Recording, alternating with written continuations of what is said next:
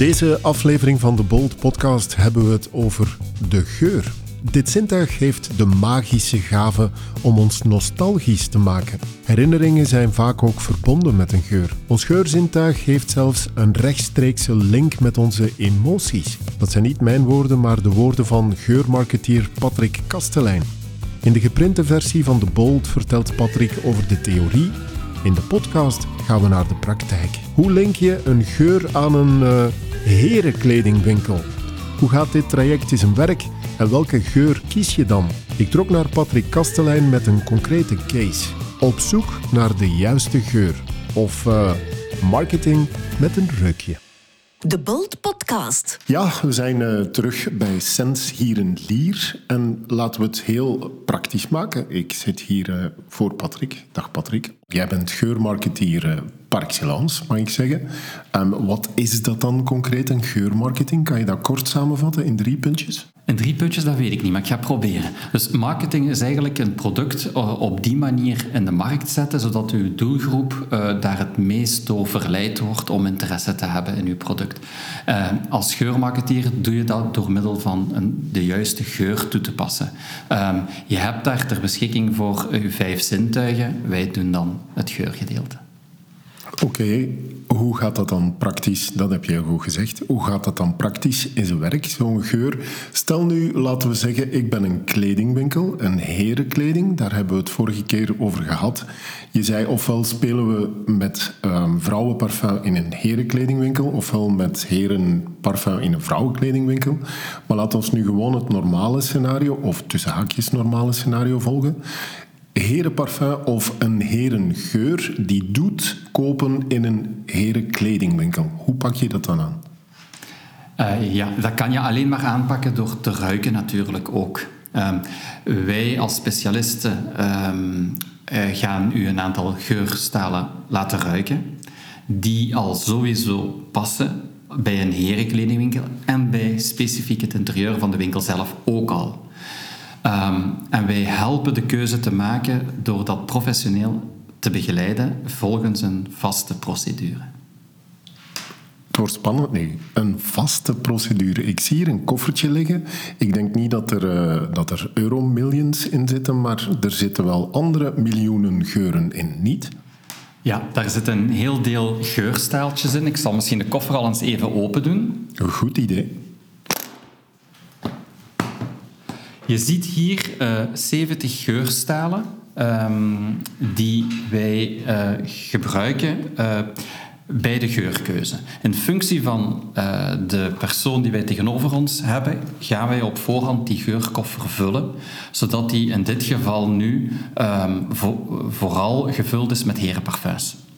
Ik geef even, want je zegt je ziet, maar we zijn met podcast bezig. Dus eigenlijk zien de mensen niks op deze moment. Ze kunnen ook niet ruiken, dat is heel jammer.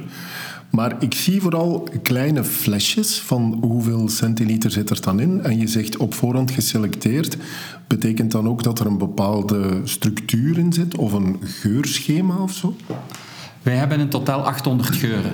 En dat gaat van uh, alle mogelijke mannenparfums, vrouwenparfums, unisex geuren, alle mogelijke kruiden bestaan. We hebben alle bloemen die er bestaan in, in, in geur. Maar ook uh, heel veel uh, geuren van eten en drinken. We hebben pizza salami, kippensoep. We hebben verbrand rubber, mistige grot. Dus alle geuren die je maar kan bedenken, die bestaan. Okay. Um, en die worden ook allemaal wel toegepast op voor een of ander project. Uh, in dit geval, uh, als wij gaan, aan, gaan, naar een klant met een herenkledingwinkel, dan zijn dat herenparfums die wij gaan gebruiken om te selecteren. Oké, okay, ver, verwerk je dan geuren en subgeuren? Of hoe gebeurt dat dan? Want ik denk dan muskus zal er onder andere tussen zitten. Of ben ik volledig mis? Dat zit er heel veel in. Dat klopt inderdaad. Een herenparfums. Maar um, het, de praktijk wil wel dat als de eigenaar van de herenkledingwinkel nu ooit eens een heel negatieve ervaring gehad heeft met musk, en ik ben er echt van overtuigd dat dat moet gebruikt worden, dat ik dat heel moeilijk verkocht krijg. Dus het is daarom dat de eigenaar van de zaak ook wel een goed gevoel moet hebben. Het gebeurt zelden of nooit dat zij eigenlijk, de geurspecialist, mezelf helemaal zelf laten kiezen welke geur het moet worden. Uh, omdat uh, ja, de eigenaar wil toch altijd zijn, zijn, zijn laatste beslissing. En wij hebben dan ook wel alternatieven. Het is geen zwart-wit gegeven. Uh, het is een combinatie van, van, ehm, van interieur, van hoe, hoe wil je je klant ontvangen? Welk gevoel wil je die persoon meegeven? Wil je hem een vertrouwd gevoel meegeven? Wil je hem meegeven dat de producten alleen maar kwaliteit zijn? Ehm, eh, wil je hem een nostalgisch gevoel geven? In functie daarvan is een, de ene parfum beter dan de andere. Oké, dat klinkt allemaal zeer goed. Um, laat ons gewoon de test doen. Laat ons nu eens kijken. Ik ben een klant met een herenkledingwinkel. Welke geur kiezen we samen? Hoe gaat dat van start? Dan is mijn eerste vraag altijd: is er een bepaalde, zijn er bepaalde voorkeuren in ingrediënten dat je, dat je graag hebt? Ik ga u een voorbeeld geven. Er zijn klanten die zeggen: ja, maar absoluut niets met vanille. Of absoluut niets met lavendel, want uh, dat ruik ik niet graag. Dus die elimineer ik dan al direct uit mijn herenparfums. Ik ben een herenkledingwinkel, dus geen tussen haakjes vrouwelijke geuren. Ik denk dan aan bloemen bijvoorbeeld, of... Uh wat zou ik nog kunnen zeggen? Niks floraal. Ja, oké, goed. In functie daarvan ga ik dan eigenlijk mijn geurstaaltjes eens afgaan, bekijk ik ze en laat ik jou een aantal geuren ruiken waarvan dat ik denk dat ze goed zouden passen. Dus ik, je veronderstelt nu hier wel dat ik in de zaak zelf zit en hem ook zie. En dat helpt mij ook al een bepaalde selectie maken. Zie ik een, veel hout in het interieur, dan ga ik al uh, als ingrediënt hout wel zeker integreren ook in het parfum mm bijvoorbeeld. Mijn winkel of mijn uh, ideale winkel heeft leren zetels en is een houten interieur en is zeer um, Scandinavië. Dat is de stijl. Ja, dat is een moeilijke. Dat is een goeie. Ja. Dat dacht ik al. Ik dacht, ik ga het moeilijk maken. Dus ik denk dan uh, spar, den, citrus. Of ben ik opnieuw mis? Ja, toch wel. Ja, um, maar ik zou daar...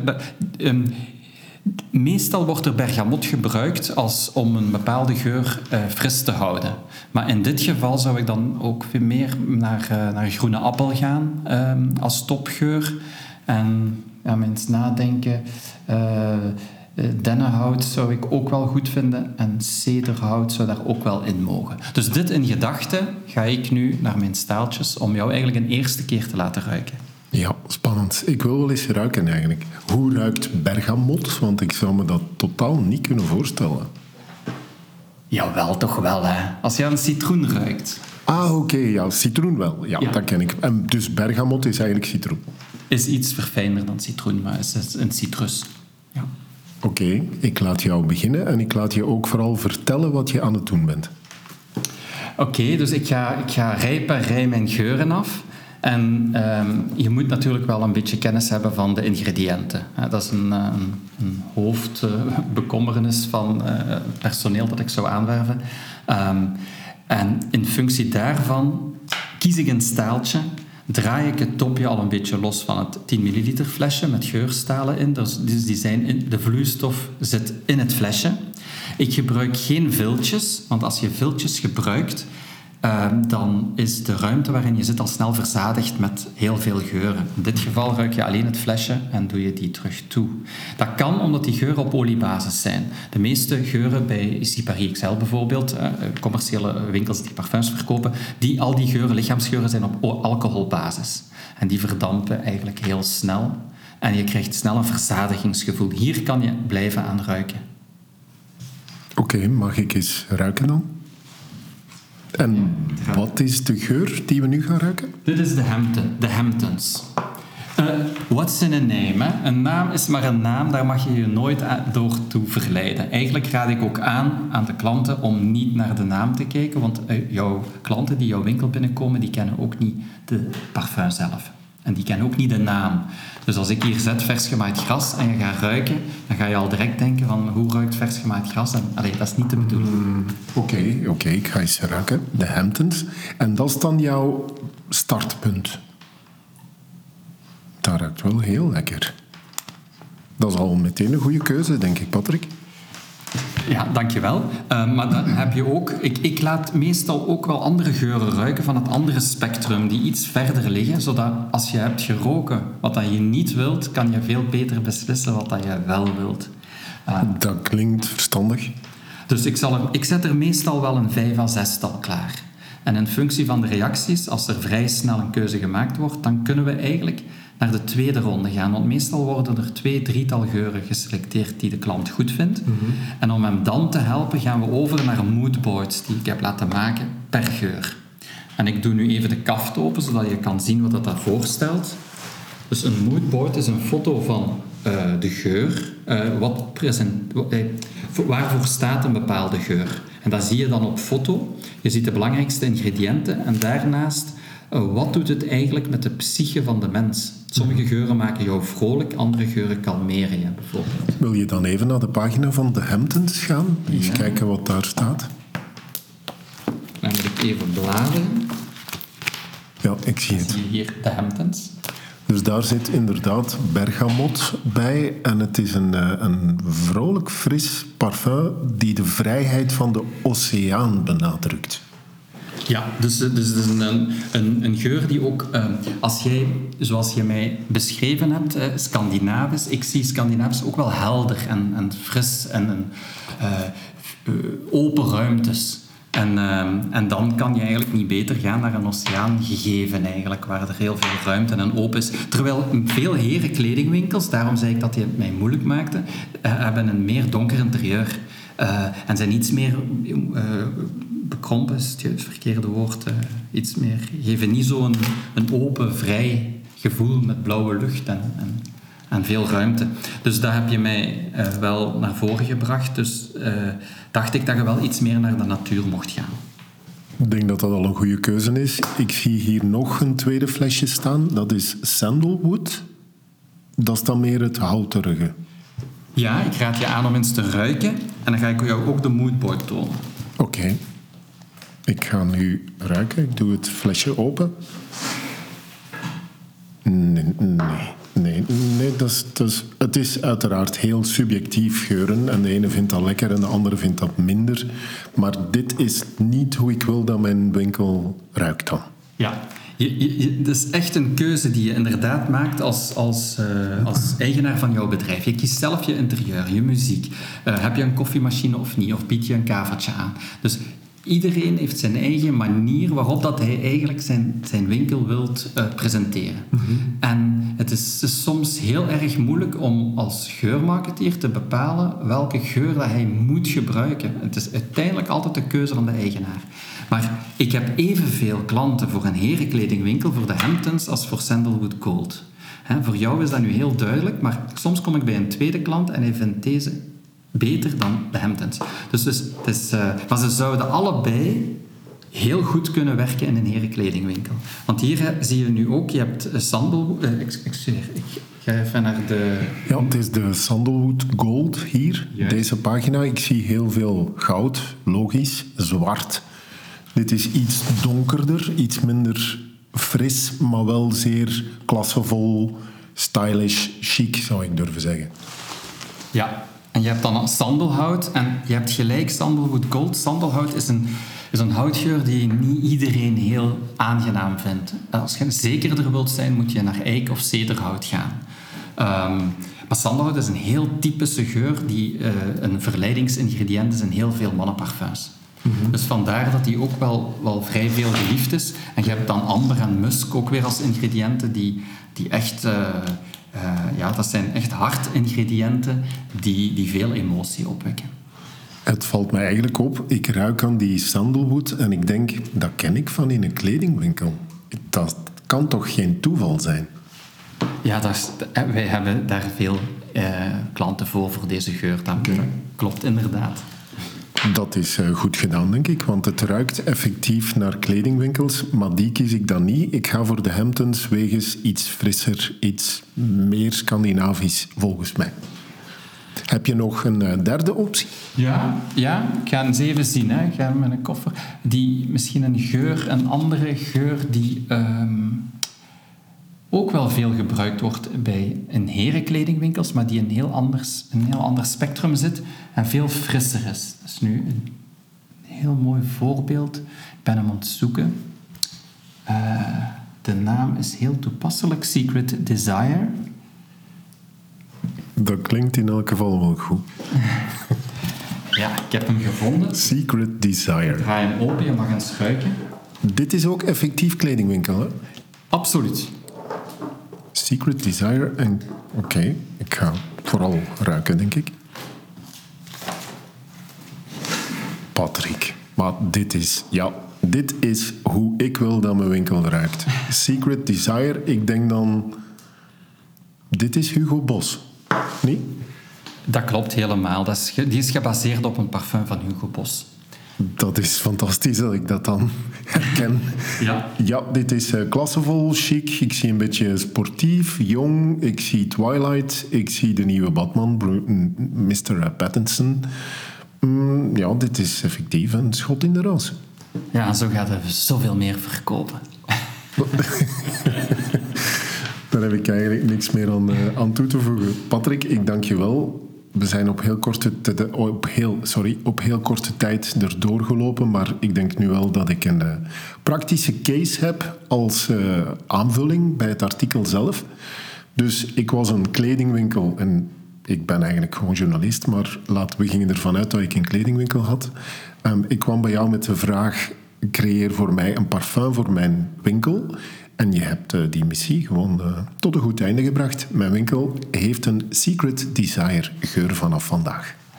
Ik ben daar heel blij voor. Dankjewel. Dus we hebben nu voor onze winkel hebben we een geur gekozen.